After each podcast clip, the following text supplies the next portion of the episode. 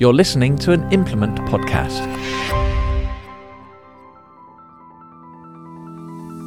Velkommen til vores øh, spritnye podcast, The Human Firewall. Jeg hedder Christian Løkke Rasmussen, og jeg er softwareudvikler, der er blevet kæmpe læringsnørd. Og jeg hedder Lasse Frost, og jeg er en adfærdsnørd, der er gået all in på datasikkerhed.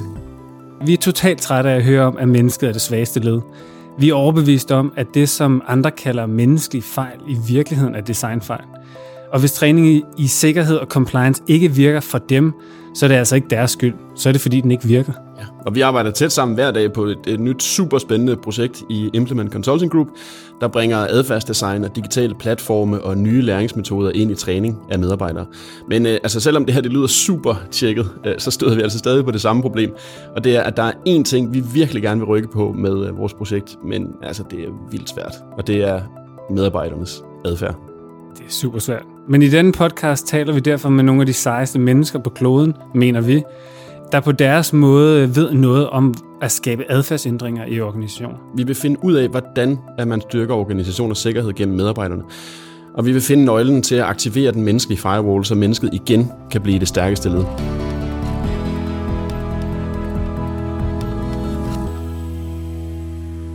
Og her i vores allerførste afsnit, der udforsker vi Bermuda-trekanten af farlige ting, der opstår, når menneskeadfærd møder datasikkerhed. Jeg ved ikke, hvad du kalder den. Kalder vi det fejl 40, human error, menneskelig fejl? Ja, det er menneskelige fejle, og, og til at indføre os i det helt, helt vildt interessante emne, der er vi så heldige, at vi har en af de allerskarpeste eksperter i verden, og det er Christian Hunt, vores gode ven fra konsulentfirmaet Human Risk. Og jeg glæder mig helt vildt meget til at snakke med Christian Hunt her senere i afsnittet. Ikke kun fordi han er en af vores øh, efterhånden gode venner, og heller ikke øh, kun fordi han er en af verdens førende eksperter i at bringe adfærdsvidenskab til compliance-området, men også lidt fordi han har sit eget podcast, Human Risk. Han har over 90 afsnit på samvittigheden, og det er altså sådan cirka mere end 90 mere end os. Så jeg håber også lidt på, at han kan lære sådan en ting eller to om, hvordan man laver verdens fedeste podcast, eller i hvert fald, hvordan vi undgår at lave alt for mange pinlige rookie mistakes. Og her i podcastet The Human Firewall vil vi gerne ændre tilgangen til menneskers fjollede bias, kan vi sige, så det går fra at være vores svaghed til at blive vores styrke. Og hvis vi mennesker elsker at tale om én ting, så er det os selv. Det ved vi jo, Lasse. Øhm, det er nogle gange lidt irriterende, men lad os prøve at bruge det som, øh, som en icebreaker. Så, så Lasse, hvad er din egen personlige grund til, at du sidder her i dag? Åh, oh, det er jeg virkelig glad for, at du spørger om. øh, nej, men min personlige grund til at sidde her i dag, det er simpelthen, at jeg er dybt interesseret i det her emne med at få elimineret menneskelige fejl, for jeg synes, det er så åndssvagt, at vi har beskæftiget os med det i så mange år, men det er stadig det samme gamle problem, vi har med, at der er noget, der går galt, når mennesker interagerer med teknologi. Og øh, det, øh, det, det er jeg helt sikker på, at vi kan finde svar på, og det er det, som jeg er virkelig, virkelig interesseret i at sidde her for i dag. Og Christian, øh, vil du så ikke også fortælle den spændende historie om, hvorfor at du er med i dag? Jamen, det vil jeg gerne, og det, jamen, altså som sagt, så er jeg jo øh, læringsnørd, kalder jeg mig efterhånden, og det, øh, jeg elsker at lære. Øhm, og, og bare det, at skal lave et podcast er et nyt format, det er for mig en læringsrejse, og den bedste måde at lære på er at skabe noget nyt. Øh, og så, så blev det ret hurtigt for os, altså hvad ville vi ved det her podcast, og vi kom ret hurtigt til at snakke om det her med at skabe et sprog. Altså for at vi egentlig kan forstå, hvad det er, vi laver, og hvordan vi skal ændre på ting, så har vi brug for et sprog. Så, så jeg tænker også, at vi er, vi er egentlig i gang med at lave et sprog. Helt sikkert, vi baner vejen foran os. vi baner vejen, lige præcis. Så i dagens afsnit af The Human Firewall... Det aller første afsnit. Lige præcis. Nogensinde det allerførste afsnit nogensinde, øh, der kigger vi på datasikkerhed og compliance inden for organisationer. Øh, og situationen er, at enormt mange øh, sikkerhedsbrud og datalæg skyldes, at en eller anden person kommer til at gøre noget, hun eller han ikke skulle have gjort. Det kunne være at klikke på noget, åbne en vedhæftet fil, sætte en USB-nøgle i computeren, eller noget af det, vi ser, skaber rigtig mange databrud og stave modtagerens e-mail forkert. Altså simpelthen komme til at sende nogle oplysninger, du ikke skulle have sendt til, til en person eller har glemt at gjort noget, som de skulle have gjort. Øh, så situationen er egentlig, at de fleste databrud skyldes menneskelige fejl, og undersøgelser viser også, at succesraten for de her angreb simpelthen er større, når de retter sig mennesker frem for systemer. Nemlig, og det er vi altså ikke de eneste, der ved. Det er faktisk noget, som dem, der udnytter menneskers fejl, er rigtig bevidste om. Altså de her kriminelle personer på nettet øh, og, og andre steder, de ved efterhånden rigtig, rigtig meget om, hvordan de her psykologiske smuthuller kan udnyttes. Altså det vil sige, de kan virkelig, øh, virkelig øh, udnytte de her smuthuller, der opstår, når nogen gør noget, de ikke skulle have gjort, eller som du siger, glemmer at gøre noget, som de skulle have gjort. Altså det er langt billigere at få nogen til at åbne døren, end selv at lirke den op. Så øh, derfor der går de her IT-kriminelle og hackertyperne, de er i hvert fald de ondsindede af dem i dag, langt oftere efter medarbejderen end selve systemet. Lige præcis, og derfor ligger det lige til højre benet at sige, at mennesket egentlig er det svageste led i datasikkerhed. Men altså, hvorfor er det egentlig endt sådan? Og hvad kan vi gøre for at ændre det? Og det er lige præcis det, vi skal dykke ned i nu.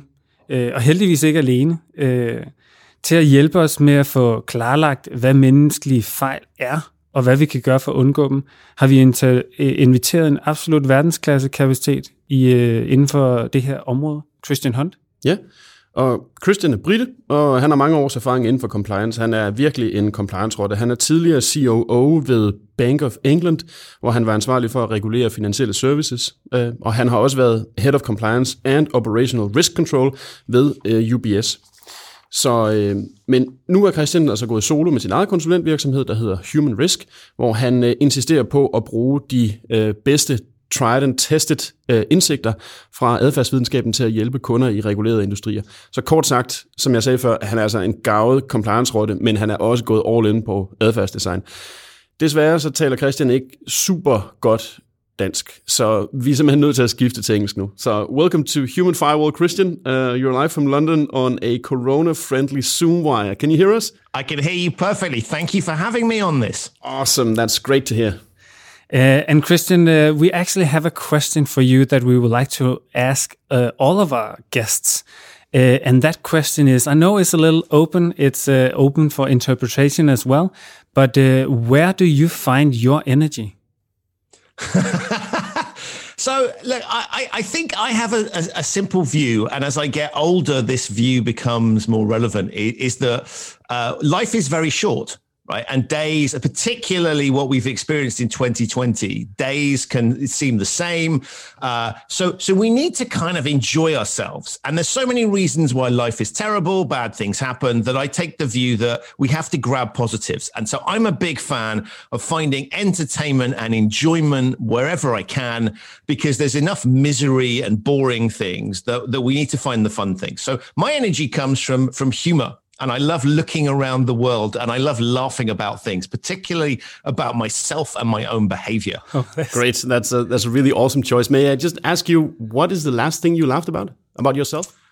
Oh man, uh, loads of things. I mean, I this, this morning I, you know, I, I, I, almost spilled coffee on myself, uh, so I find that funny because that's just, you know, it's dumb. How many cups of coffee have I made in my life? Right, probably thousands, tens of thousands, who knows? right? And I still managed to spill it. And so there's a really good example of human stupidity. We just do not learn. I did something a bit silly when I was making the coffee and then I rescue it. So for me, that's really funny. And for other people, you know, I could get burnt, but I find it really funny. It sounds great. Christian, this being our very first podcast, the very first episode of our first podcast ever, is there anything that we need to avoid doing in this first episode? Just to be sure. Any pitfalls? My top tip is if you are doing a podcast is to make sure that you hit the record button because I did one episode once of mine where I forgot and it's kind of important if you're recording audio that you hit that button. Oh yeah, sounds crucial. Uh, so uh, is it on? Are we recording actually right now? The recording button is red, so I assume that means that it's actually running right now. So hopefully this gets recorded. We have avoided the first uh, pitfalls. That's so good. Okay, Christian, jumping right into it. Uh, you always say that we need to bring behavioral science to compliance. Uh, what do you mean? Well, what I mean by that is is compliance is often thought of as the the rules and the regulations and the things that we the organization wants to have happen. And, and actually, if you if you think about it, uh, compliance only works if the people within the organization do what you want them to do, and they don't do the things that you don't want them to do. So, compliance is the business of influencing human decision making. You can't say to an organization, be compliant because it's an inanimate object, it won't respond. So, the way you get an organization to be compliant is the people within that organization do what you need them to do. And therefore, when we think about it, compliance is the business of influencing human decision making. And if we're in the business of influencing human decision making, my view is that we need to be really good at that because people are complicated, challenging creatures. And so, if we want to be effective as compliance officers and to deliver the objectives that we've been set, we need to have a really good understanding of what makes people do what they do.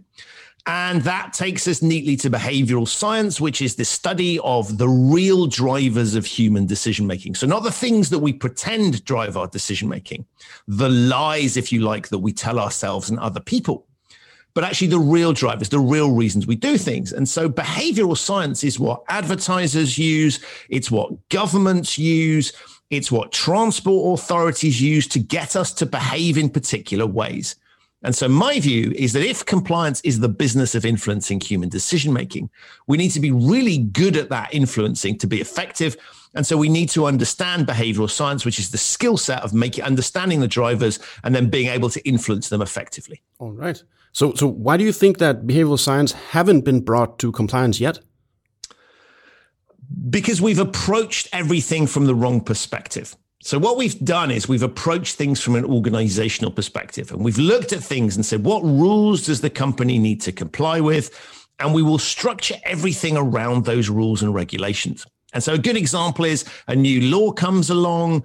That law is then enshrined in a policy and people are then taught about that policy. And you send people on training talking about a law, but nobody wakes up in the morning and goes, hey, that law is that's you know I'm in a moment where that law is relevant. We have to think about that alongside all of the other pieces.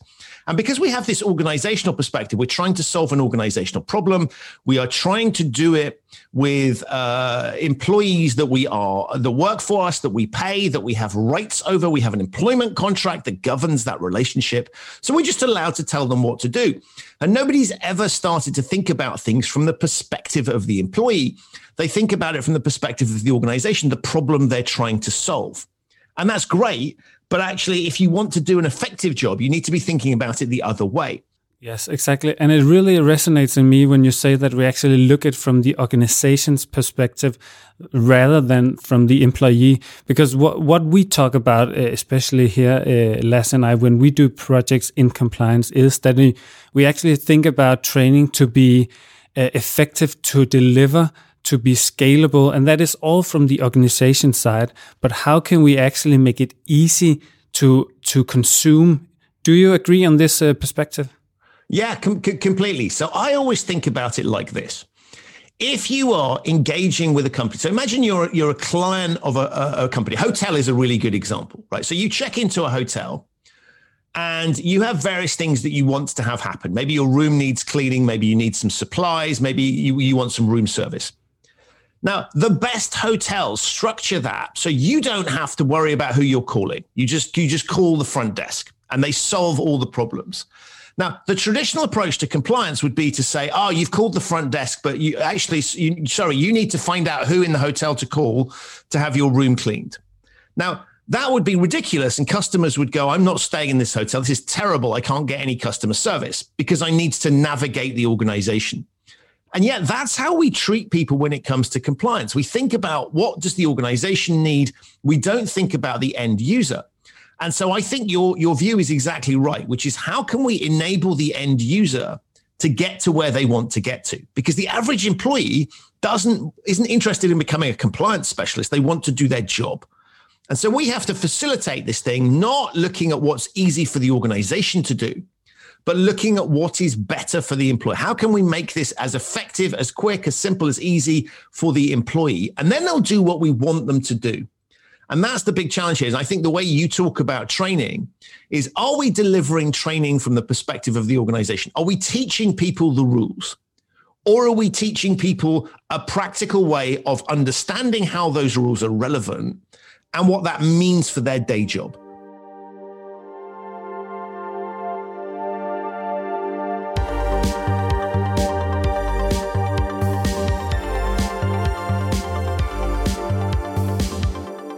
This is a great uh, transition to our uh, next part of this podcast called Facts True or False.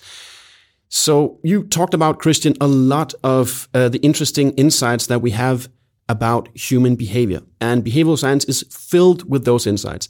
But sometimes scientific findings are falsified or maybe nuanced because that's how science works.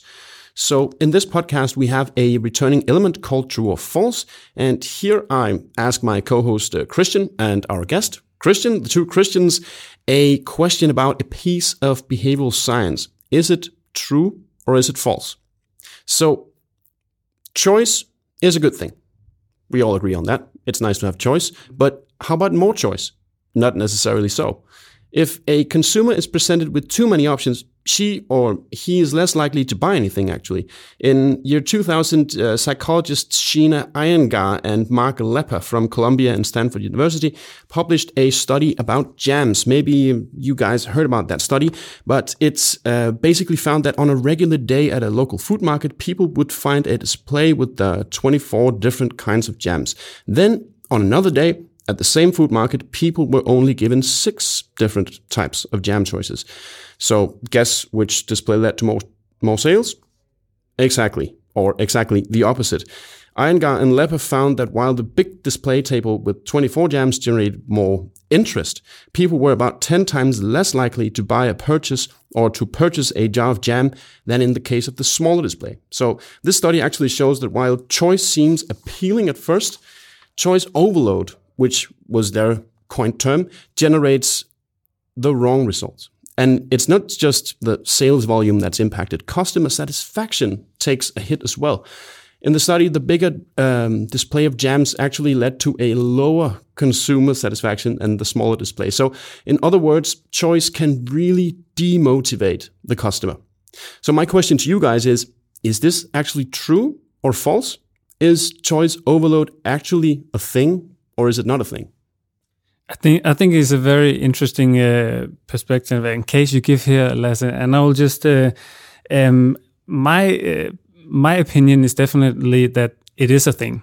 I mean, uh, in my belief and what I have read is that it can be choice overload. So the fewer choices, the better but I'm I'm so eager to hear also and be challenged by this view. And I think this is also what we actually want in this podcast as well.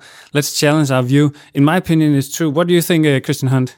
Look, it's totally true, and I'll tell you. I'll tell you how I know this. Right, and and and I always think it's very useful to look at the real world. Okay, so we see this experiment with jams, and we go, "That's very interesting. That's a controlled environment. Maybe that doesn't replicate." So what I then do is I say, well, what do I see happening in the real world around me? And what do I see other people managing? Now, I caveat that by saying we have to be very careful that it's really easy to assume that just because it's happened to me, it's happening to everybody else. But have a look at things like Netflix, right? How much time do we spend when we go to Netflix? We spend more time looking for programs oh, yes. than we do watching them, right? The and I joke slightly, right? So yeah. there's there's one example and and I've you know of, of a real life situation, which is why they try and curate things. That's why they send you emails. They try and make it a little bit easier for you. And I go to second example is I go to the US. I want to buy some orange juice. It's insane. There are about 30, three zero different kinds of orange juice available, right? Oh, yes. Uh, right. And, and and I often stand there and I go, I'll have Coke. And right? go, go to Which, Denmark and find right. milk in 25 different varieties. Right, right, right, right. So I look at that and I know from my own personal experiences that this is challenging and difficult. So my start point with this stuff is I think there is something in this. Mm-hmm. Of course, there are going to be examples that prove that I'm wrong. I'm I'm a firm believer that too much choice is it. And why does that happen? Well, the answer is we're lazy. Right? I don't want to have to pick from 500 things. No, exactly. Too difficult. I would prefer to keep it simple. Exactly. And what what comes to mind for me is also when you look at it eh, in a learning perspective is that we know that our working memory can contain from 4 to 7 pieces of information. So again, I would definitely assume that it would be easier eh, at least to make a choice if you only have few options. But uh, let's see, Lasse. So what? What, I'm, I'm what is your conclusion? your your discussion was so interesting. So, but but if, if we just take the claim like really artistically to its point, choice demotivates the customer, or actually at least more choice demotivates the customer. The short answer is actually false. But the longer answer is it depends, and that actually highlights what you uh, uh, both of you actually said. Um, but just just to just to keep it straight, it, it it depends on the context of the choice. So in, in 2010, a couple of scientists surveyed the literature on choice overload, and there is a lot to choose from, actually. Um, and across all these studies, evidence of choice overload is not very convincing. Uh, in some cases, choice increases purchases, but in other times, it reduces them. So the overall mean effect size, if you just look at it mathematically, of changing the number of choices across the studies, was effectively zero. This does not mean that choice overload is not a thing or that the JAM study was a hoax. No, actually, I, I think it means that choice overload only occurs under certain conditions. So only in certain uh, certain types of environments, as you said, Christian Hunt. These uh, conditions might involve the complexity of the choice, not the size necessarily only, but also the, the lack of dominant alternatives, um, how options are assorted, how much the customer knows about them. So how much do I know about the movies that I want to see on Netflix? Um, and then time pressure. It, it, do I have to make the choice right now or can I wait? Or can I do my research? Um, and maybe also things like the distribution of product quality. So can I can I actually see on maybe on Netflix how the movies are rated? So maybe I could just say that I, I don't want to see movies that are rated below seven on IMDb because that's not my thing. I don't want to watch crap movies. Of course, some sometimes I want to. I mean, I've I've watched the uh, what is it called, the worst movie in the world, um, uh, the the the Room, I think it's called. Yeah. Uh, great movie in its own respects, mm-hmm. um, but it's great in another way. so it's mostly the, the experience that's great. It's not the quality of the content itself. But all, all this, uh, all these um, conditions around the choice has nothing to do with the size of the choice itself, but it only makes the choice. Uh, it on, uh, but only who makes the choice and how they make the choice. But still, making it easy, as you talked about, for the customers to choose holds, of course, in most cases. So making um, reducing uh, choice in itself is not necessarily the best the best way to do that, but of course it depends. The Jam study is just the tip of an iceberg, I think, exactly. um, and it says very little about what lies underneath. So so only saying more choice is bad is too unnuanced yes. to use. Exactly back to you, Christian. Uh, in this podcast, we really like to talk about theories, uh, uh, like we just did, uh, but we also want to be specific and uh, because we think, and I think all of us uh, need, especially also our listeners, that that we want to really know how to apply the knowledge and also how do we implement it. So, uh, Christian Hunt, we know you have a great case uh, from your uh, previous uh, experience. So, can you share one of these cases and especially share? So, what was the challenge? Uh, how do you solve it? How do you use behavioral science uh, to solve the the challenge? And what was the, the impact? Sure. So I'll give you I'll give you one of my favorite examples, and it, it, it's one of my favorite examples because it was something that was very personal to me, and the reason it was personal to me is we had an issue where people weren't complying with a particular policy. So lots of people were, but lots of people enough people weren't complying. There was a problem. And so the solution that was proposed was that I, as head of compliance, would send an email out to everybody reminding them of the policy. Right. So traditional logical approach saying people aren't being compliant, so we'll just remind them of the thing. And I thought about this and I was just thinking, actually, I don't think that's a really good strategy because if you send a letter out to everybody saying that lots of people are not complying with a policy, you're going to do you're going to do two things. So the people that have received the letter, the, the or the email that are compliant are going to go, hold on a minute, I'm being lectured here about something that I am doing. But obviously, there's lots of other people that aren't doing it. So, so this is irritating for me because I know that lots of people aren't. So, why am I being compliant when no one else is? So, you're irritating the people that are compliant. And then, if you're somebody that's not complying with that particular policy and you receive this email telling you about the conclusion you could logically reach subliminally is to say, hold on a minute, if they're sending this email out, there must be lots of people not doing this. I'm not the only one right? So there's loads. So when you look at it, whoever receives this email is either going to find it irritating and potentially drive them to non-compliance, or you're already non-compliant, at which point you're going to go, this is cool because they wouldn't send the. So it doesn't achieve the objective it sets out to achieve. So instead, what I did was I analyzed and looked at it and said, well, why are people not being compliant? Let's have a look at the drivers of that non compliance. What is it in the policy that makes it hard to comply with? And there were various things. It wasn't particularly clear. The system was terrible, produced bad outcomes. It was it was not obvious what people needed to do. And so I kind of went, what we need to do is we need to change the system. So we changed the way the system operated, the rules, the way that the instructions were drafted. We gave people reminders at times it was helpful. And then the email we sent out to everybody didn't talk about breaches. It said, we've got this rule. Here's why it's important to you making sure it re- was relevant, resonated with them, mm-hmm. not just doing it because the organization needs it, doing it because it's them. And then here are, you know, but we recognize this can sometimes be challenging. Here are five things that we've done to make it easier for you and some reminders about some of the aspects that you might have forgotten. And in doing that, you can one, highlight the fact that you're helping people to be more compliant. You're being useful and helpful to them. The second thing is you can highlight the reasons people aren't complying with the policy, but not in a way that makes it obvious that that's what you're making it, you're pointing out things that people might not have thought about. Yes. And so turning all of that around, I sent a compliance email out and I had loads of people come to see me to say, thank you so much for that really helpful Whoa. email. okay. Now, it wasn't a helpful email. It was a patronizing reminder about the rule. Yeah. But we'd framed it in a really helpful way. And for me, that's a really good example. There's a serious danger if you send an email out to everybody telling people not to breach a policy, that you will have all of these other consequences. Mm-hmm.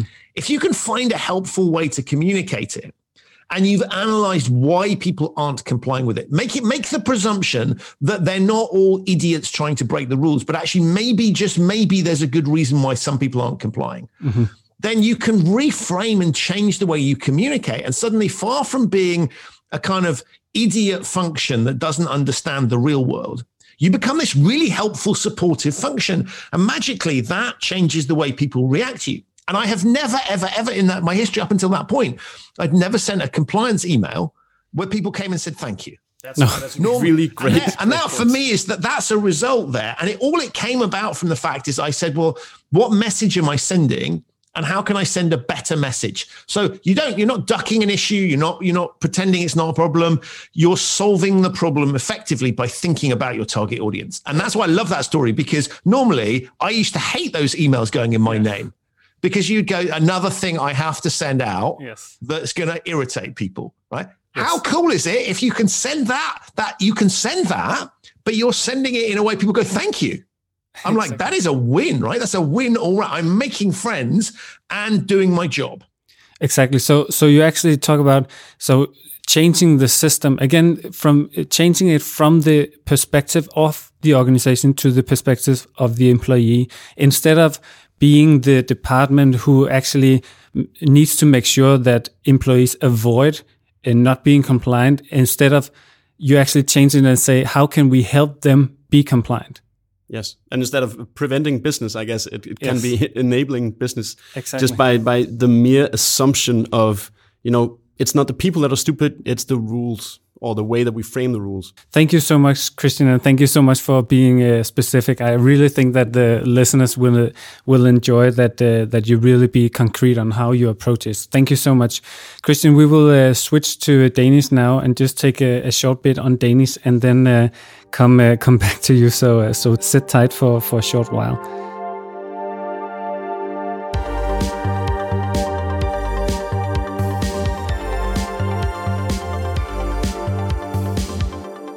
At lave et podcast øh, er et spændende indblik i en ny øh, og samtidig relaterbar måde at, at arbejde på. Øhm, og vi har haft øh, en producer ved vores side. Han sidder lige nu øh, ved vores side og har hjulpet os med at, at strukturere vores podcast. Øh, sørge for, at vores gæst får masser af taletid. Og trykker på record. Og trykker på record. Øh, men samtidig også giver os noget taletid. Øh, og det er det, som... Øh, det er så rart. Det, det er jo lidt rart, ikke? Vi det, elsker taletid. Det varmer lidt. Mm det, det varmer lidt vores, øh, vores eget ego nogle gange, det ved vi, det er sådan, vi har det.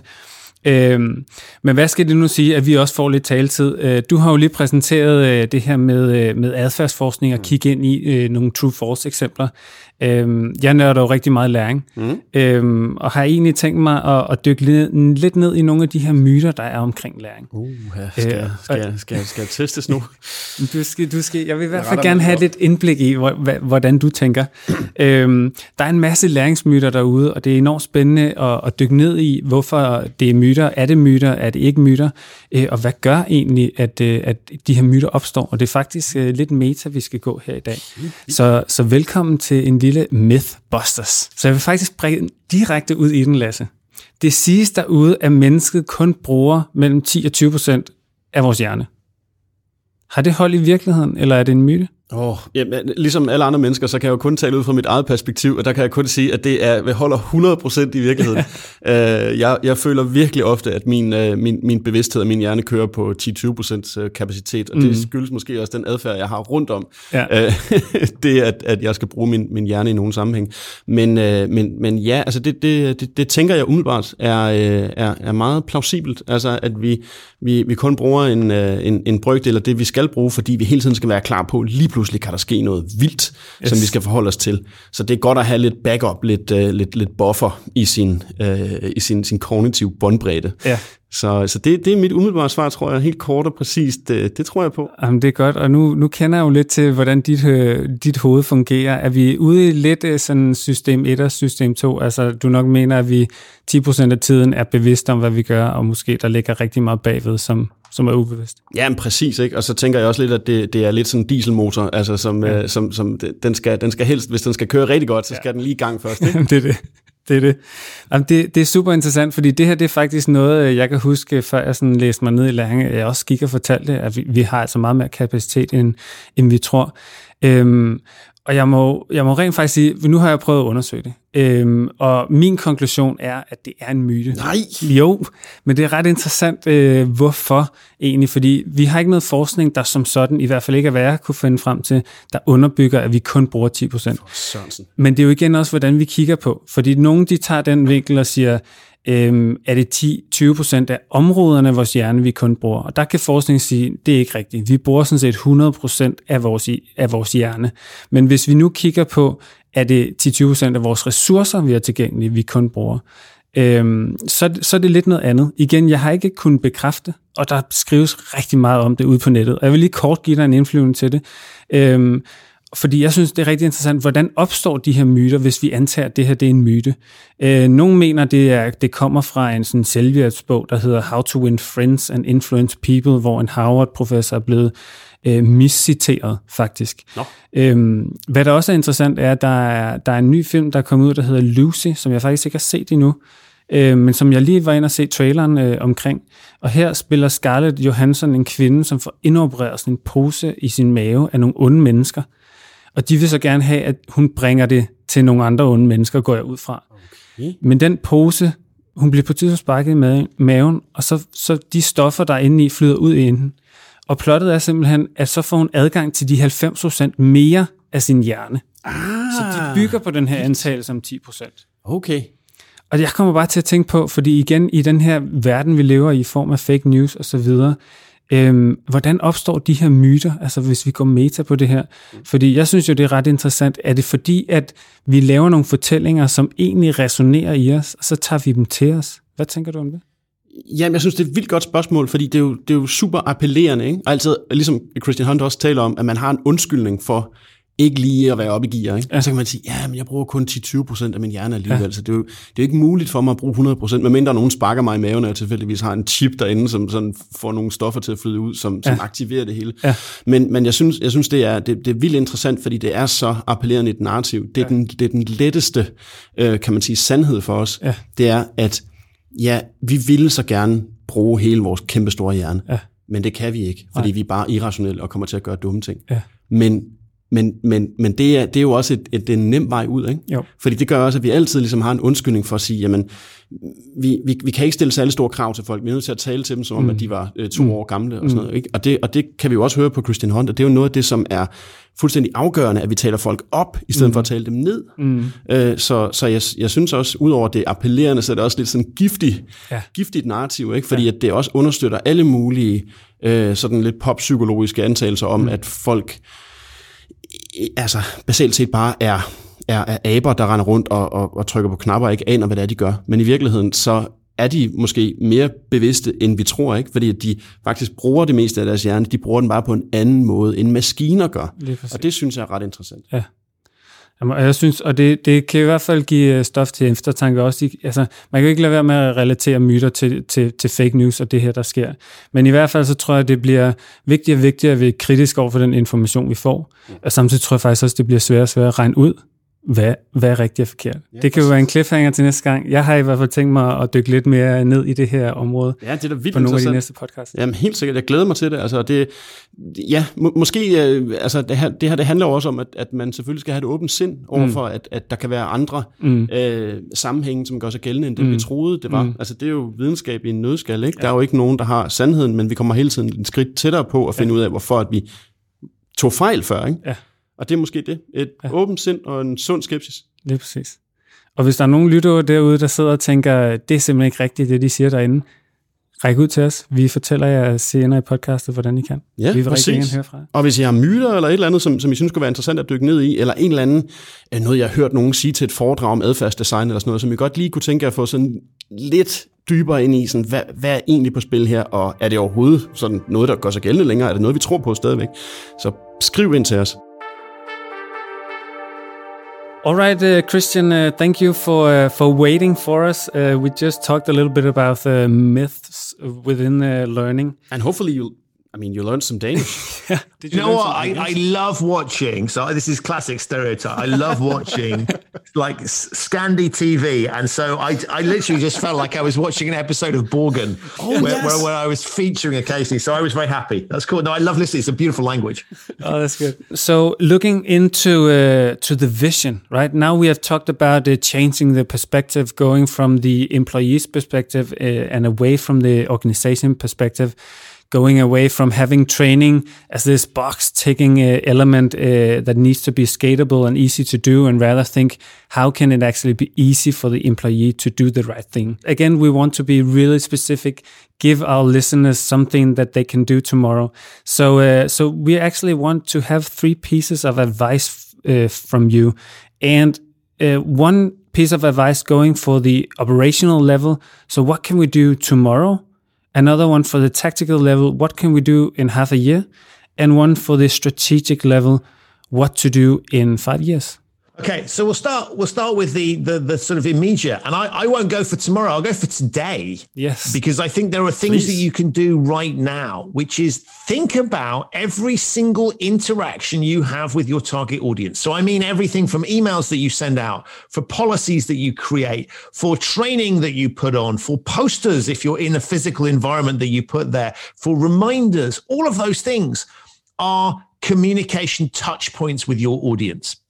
And one thing that people often don't think about is they don't think about it's a totality. One bad communication can undermine your entire program. So we need to put far more effort in to think about each thing that you're sending out. Does this look boring? Does this look patronizing? Is this helpful? Are people going to think this is okay? Or are they going to be bored even before they've read the first line or the first piece? All of those things matter, but you can change it instantly just test this stuff out. We just tend to think because we're in compliance, we can just send things out.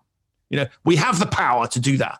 Correct. With power comes responsibility. So my message to people is look at every single thing you're sending out and don't just rely on what you've done in the past. Start to say, how will this feel?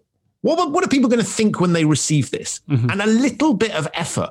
Use more friendly language, be more helpful, structure it more engagingly uh, can make a huge difference. That is something you can do right here, right now, with the next email you send, the next piece of training you create is just try and do that. And remember, because people have such low expectations of compliance, right? The brand is so bad, in my opinion, that actually even small things can make a massive difference because people expect it to be terrible. they expect it to be boring. Mm-hmm. So if you try and make it slightly interesting, you will win lots of prizes. If you make it really interesting, then you'll you'll you'll be a hell of a further. So it's not difficult to do, and you can do that right now. Okay. Thank you so much. That was a great piece of advice. Yes. I'm, I'm, I'm starting right now, actually. Exactly. And just also an advice for, for the tactical level. So in half a year, what can we do in half a year? So half a year, I think you, you've really got time then to start thinking about the the learning the the behavioral science piece. That's plenty of time to be starting to develop those skills and and, and thinking about that. Because as you pointed out when we talked about the jam piece, right? It's very easy on the face of it. You sort of think, well, behavioral science is just all about better communication. Mm-hmm. But you need to understand the psychology of what that, that operates and to avoid common mistakes. So there are some things that we do behaviorally that don't make any sense at all, completely illogical. And you can see that with advertising campaigns. There's some advertising campaigns that just shouldn't work, but they do because they understand human psychology. So it's a simple subject to start to understand. It gets a bit more complicated. There are a number of frameworks that you can learn that will help you to be better at deploying behavioral science, be, uh, developing more of an experimental mindset, because sometimes, sometimes we have to try things out to see if they work from a behavioral perspective.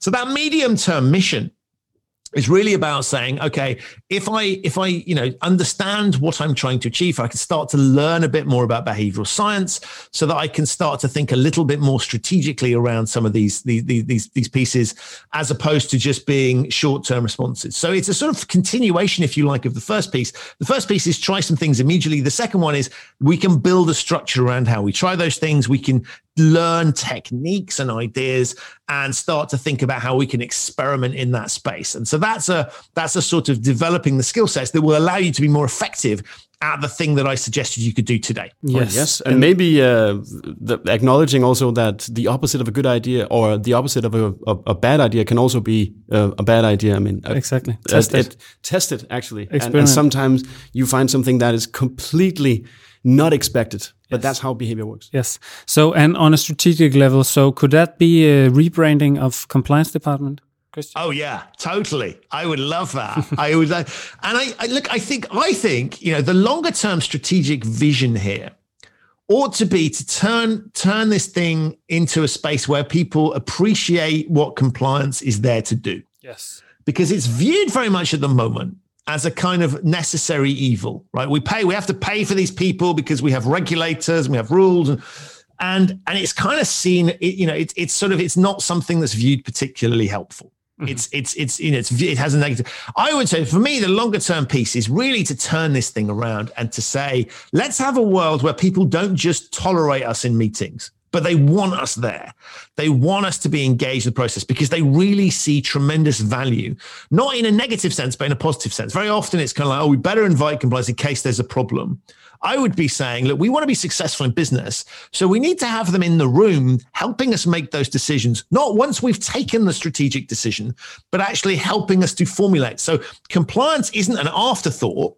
It actually sits at the center of business decision making and and to get to that particular because then you can be really powerful because then you can stop then you're not becoming a PR exercise for a badly thought out strategy. You know, here's the business strategy. Oh, we better check the compliance people think it's okay. You actually, if you start with it and you go, okay, how can we, in this world of regulation and in this world where we have rules and, and, and things that we need to think about and, and, you know, thinking things like ethics and social trends, what will our customers be thinking?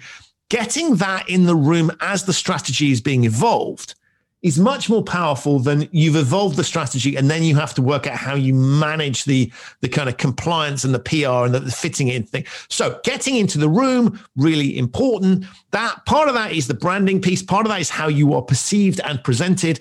And if you want the longer, the really longer term vision, I would love it if people grew up and wanted to become compliance officers. Right? Yes. We'll, we'll, have to call it something else because at the moment yes. nobody does. No one did. Find anyone working in compliance that knew that that was what they were going to do when they were younger. Yeah, you there'll be one or two, right? But there's very few. Most people fall into that by mistake, and then they kind of make the most of, of, of the situation. I would love it if we could find a way to make that more compelling. Now, I think we can if we can explain what the job is better, if we can give it a greater degree of respect in society and within companies by making sure that it's really delivering is seen to be part of the way we do business, not a kind of annoying thing that we have to go through. And and I, you know, all of those reasons, I think it, I think it's just got huge potential to be really interesting, exciting, and we could generate the same enthusiasm that we have for people joining advertising and marketing and, and some of these sort of sexier mm-hmm. pieces. That's kind of where I want to position compliance. So if we can get the thinking that we're all talking about not embedded in here's how we do things and then let's try and do some of these things on top. But actually, what we're talking about becomes the core of the role. Yes, Exactly. let's let's stop stop talking about compliance officers and talk about human firewall enablers. Exactly. And I think, I mean, maybe we can grow you, Lasse, to become a compliance officer in a more sexy term. Yes, Some- one day. Yes, one day. master, teach me. Yeah. Okay. Thank you so much, Christian, for, for joining in today. It has been a pleasure from our side. An absolute pleasure. Always, uh, always a pleasure to talk to you. Thank you so much, Christian. Thank you so much for having me on this podcast. Best of luck with this. I think it's great that you're doing this. It's really exciting. I've loved the format. So uh, the best of luck with it. And thank you for having me. Thank, you, so much, Christian. Thank you so much. And uh, just by the way, it's it's one to zero now, or actually two to zero for, for my side. So uh, in in the quiz, uh, actually the score right now. So just just to make sure that, of course, we have to find a rematch for you guys because I mean, I, I bet you horribly. Yeah. there. I'm ready. Yes, good. Vi er ved at være ved vejs ende i vores første podcast, uh, The Human Firewall. Og Lasse, nu vil jeg gerne bare lige kort uh, ind i dit hoved igen. Ja, kom ind. Øh, Der er åbent. Jamen, det er det. Jeg vil gerne høre lidt om øh, og den energi, der egentlig er sat i gang op i dit hoved. Så, så hvad har været det bedste ved at snakke med Christian i dag? Ah, men jeg synes, det er svært at vælge. Altså, der har været så sindssygt meget, virkelig, virkelig mange interessante pointer. Øh, men men ja, grundlæggende, så, så synes jeg bare, at det er helt vildt fascinerende, det her med at sige, men når vi ser os selv udefra, som nogen, der arbejder med compliance, så er vi jo nogen, der har fokus på organisationen, på indefra og ud, i stedet for at se på, hvem er det egentlig, der skal følge de her regler. Ja. Og det er jo medarbejderne. Ja. Så det her grundlæggende skifte i perspektiv fra organisationen Mm. til medarbejderen, det synes jeg er, det lyder banalt, når man siger det, Mm. men det er noget, som vi har været alt for lidt opmærksom på i mm. compliance, og noget, som hvis man tager det seriøst, Mm. kan have nogle meget, øh, meget hjælpsomme øh, effekter, både på kort og på lang sigt. Og som Christian siger, jamen, så kræver det nogle meget øh, små ændringer, fordi mm. vi står på et så jomfrueligt sted mm. lige nu. Ikke? Øh, Så, så det, det er noget af det, jeg synes er, er virkelig interessant. Fordi på sigt, så kan det måske ændre compliance fra at være noget, som folk hader, noget, som bliver pushet til folk, til at være noget, som skaber et pull, altså et træk, ja. hvor folk faktisk gerne vil være en del af det her, gerne vil forstå, hvorfor er det, vi skal følge de her regler, og på hvilken måde, og opsøger den her som ikke længere kommer til at hedde en compliance officer, men som kommer til at hedde noget andet. Ja. Det synes jeg er, er, øh, er virkelig, virkelig inspirerende. Så, så mange ting, men grundlæggende det, Fedt. jeg, jeg synes, det har været en, en helt vildt øh, spændende snak, vi har haft med, med, med Christian, og, og det er også fantastisk bare at kunne læne sig tilbage som vært og føle, at man bliver beriget med det ene guldkorn efter det andet. Så det har jeg bare nyt. Øhm, da vi øh, begyndte at planlægge den her podcast, sådan i den helt sådan spæde start, der talte vi rigtig meget om at opbygge det her sprog, som vi mm. taler. Altså, hvor vi siger sådan, hvordan, hvordan taler vi egentlig om det, som vi interesserer os så meget for? Mm. At det betyder meget. Så, så hvis vi ligesom tager det som udgangspunkt, og tænker tilbage på den gang, hvordan synes du, at vores øh, rejse ligesom er begyndt i forhold til at opbygge vores sprog i dag? Jamen, jeg synes egentlig, at rejsen er begyndt øh, ret stærkt, øh, og det har blevet mest mærke i, i, i dialog med Christian, det er netop det her at starte med at vende vores perspektiv. I stedet for at tænke fra organisationens side, hvordan laver vi træning nemt, og hvordan fortæller vi folk, hvad de ikke skal gøre, gør det nemt for medarbejderne, vend det om, sæt det i deres situation, gør det situationelt for dem, og, og gør det nemt for dem at gøre det rigtige, i stedet for at fortælle, hvad der sker, hvis de gør det forkerte. Fantastisk. Det synes jeg er et godt udgangspunkt. Ja, men det, jeg, jeg synes, det er et fremragende udgangspunkt. Så tusind tak for, at I lyttede med. Uh, du kan abonnere på vores podcast på din uh, favorit podcast-app, uh, og du kan finde Christian uh, gode råd og links til alle de her artikler, vi har talt om i vores show notes. Og hvis I sidder derude med adfærdsproblemstillinger, eller et eller andet, nogle, nogle myter omkring læring, eller et eller andet, som I synes, hallo, det er vi faktisk ikke, ikke særlig enige i, jamen så skriv til os øh, med det samme, og vores e-mailadresse, den står inde i show notes også. Øh, og derudover, så hvis I er, er super nørdede og virkelig interesseret i at komme længere ind i det her compliance meets behavioral science øh, område, så kan I melde os ind, eller melde jer ind i øh, vores LinkedIn-gruppe, der hedder Compliance, altså play i stedet for ply, P-L-A-Y, og det er på LinkedIn, og der kan I stille alle de spørgsmål, I vil. I kan dele alt det interessante indhold, I vil. Og der er, som sagt, links til det hele i show notes. Så tak fordi I lyttede med. Mit navn er Christian Løkke Rasmussen. Og mit navn er Lasse Frost, og det her det er The Human Firewall, og det var vores allerførste afsnit, og vi glæder os til næste gang. Ha' en god dag. Hej hej.